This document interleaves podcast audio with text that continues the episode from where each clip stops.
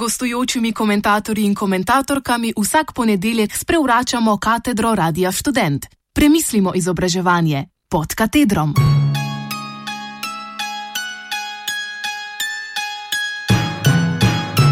Nasilje v šoli.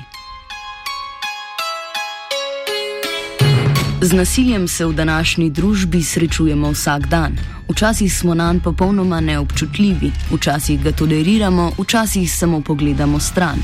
O njem pa se resneje pogovarjamo samo takrat, ko preraste vse okvire sprejemljivega vedenja. Na to pa nam spet pozabimo. Saj nasilje ne boli za res, dokler se ne zgodi nam samim ali našemu otroku.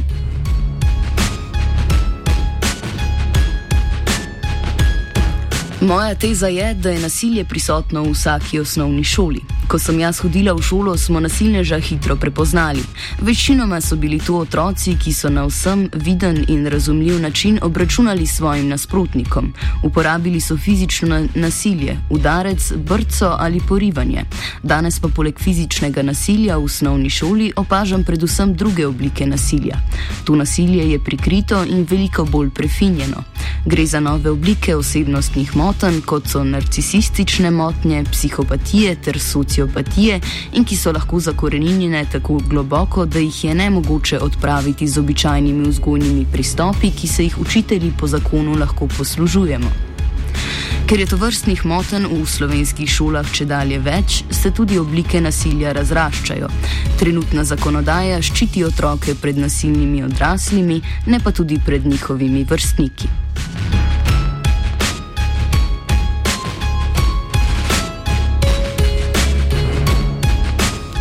Nasilno vedenje je največkrat posledica vzgoje, ki ne razvije odgovornega, samostojnega in discipliniranega posameznika. Nasilje ni vzrok vedenja, temveč njegova posledica. Nasilje je posledica neprimerne, manipulativne in narcisoidne vzgoje otrok, nasilje v šolah pa je tudi posledica namerne izrinjenosti vzgoje iz osnovne šole. Ministrstvo za izobraževanje, znanost in šport je vzgojo počasi, vendar dosledno popolnoma izrinilo iz šolskega predmetnika in danes je v imenih predmetov ni več zaslediti. Začelo se je z ukinitvijo ocenjevanja vedenja nadaljevalo z ukinitvijo opisnega ocenjevanja vzgojnih predmetov in končalo s preimenovanjem vzgojnih predmetov: športna vzgoja v šport, likovna vzgoja v likovno umetnost, glasbena vzgoja v glasbeno umetnost in tako dalje. Kakšni so bili pri tem nameni in cilji Ministrstva za izobraževanje, nam učiteljem ni znano in nam ni bilo nikdar pojasnjeno. Lahko pa dodam, da nam, osno, da nam osnovnošolskim učiteljem izrivanje vzgoje iz osnovne šole pri vzgoji otrok zagotovo ni v pomoč.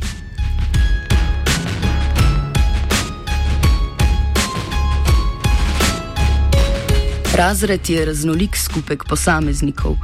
V njem se vsak dan ustvari in razreši polno konfliktnih situacij, kar je normalno in nujno potrebno za zdrav otrokov razvoj. Vendar pa danes postaja problematično to, kako učenci konfliktne situacije rešujejo.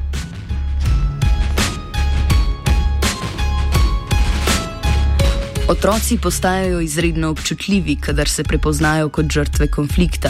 Mnogokrat se sklicujejo na to, kako so situacije in odzivi vrstnikov in učiteljev do njih nepravični. Vse je grozno hudo, ne prenesejo več normalnih obremenitev medsebojnih odnosov.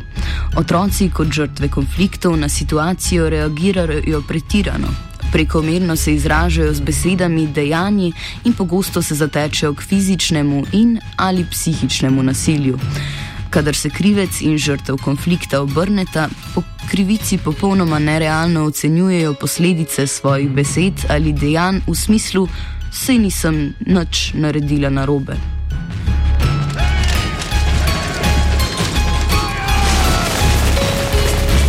Za svojega nasprotnika v konfliktni situaciji so neobčutljivi, zase pa preobčutljivi. Zdrave, normalne meje otroci ne čutijo več tako pogosto, kot bi si želeli starši in učitelji.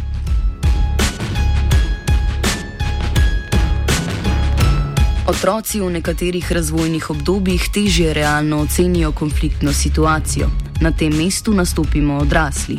Naša naloga je, da v otroku prebudimo empatijo in občutek za realnost, in takrat nastopi največja težava današnje družbe. Otroci imajo namreč enak odnos do odraslih kot do vrstnikov. Učitelj si mora dobesedno izboriti položaj avtoritete, ki ga s težavo ohranja.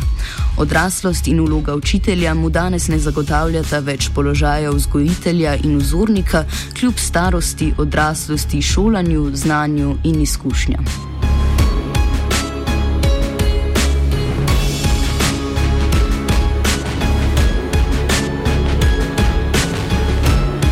Učitelji, ravnatelji in starši bi se morali pogovarjati o vzgoji vrednot, ki nas delajo človeške in občutljive do drugega in drugačnega, in ki jih vsaka osnovna šola želi prenesti na učenca v času devetletnega šolanja.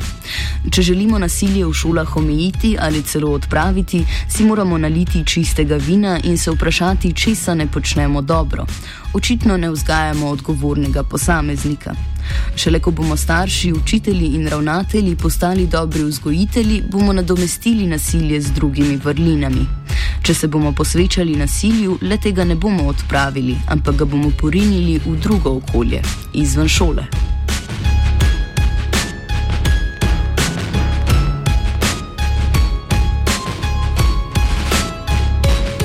Osnovno školo. Osnovnošolski vzgojni načrti so premalo učinkoviti, ker ne izhajajo iz pedagoške stroke, temveč temelijo na pravni stroki. Če vzgojo pojmujemo kot celostno, duhovno in značajsko oblikovanje učenca, in če je šola še vedno vzgojno-izobraževalna ustanova, ne smemo učiteljev omejevati pri vzgojnih ukrepih, ki učencu pomagajo odrasti v odgovorno in samostojno osebnost. Spoznanje, da učitelj ne more zakonito vzgojno delovati na učence, ki z nasiljem kršijo družbena pravila, ker so dovoljeni vzgojni prijemi neučinkoviti, je za učitelja velika frustracija. Občutek nemoči pri predajanju vzgojnih vrednot načenja njegovo samozavest in avtoriteto.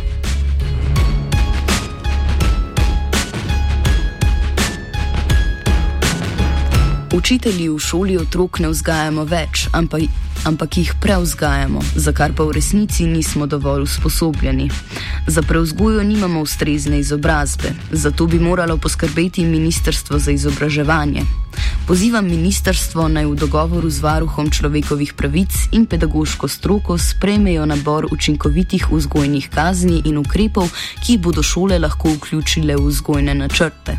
Prav tako jih pozivam, da nam, učiteljem, vzgojo vrnejo v šolo prav tako hitro, kot so nam jo oduzeli. Pod katedrom je pripravila Metka Zorec.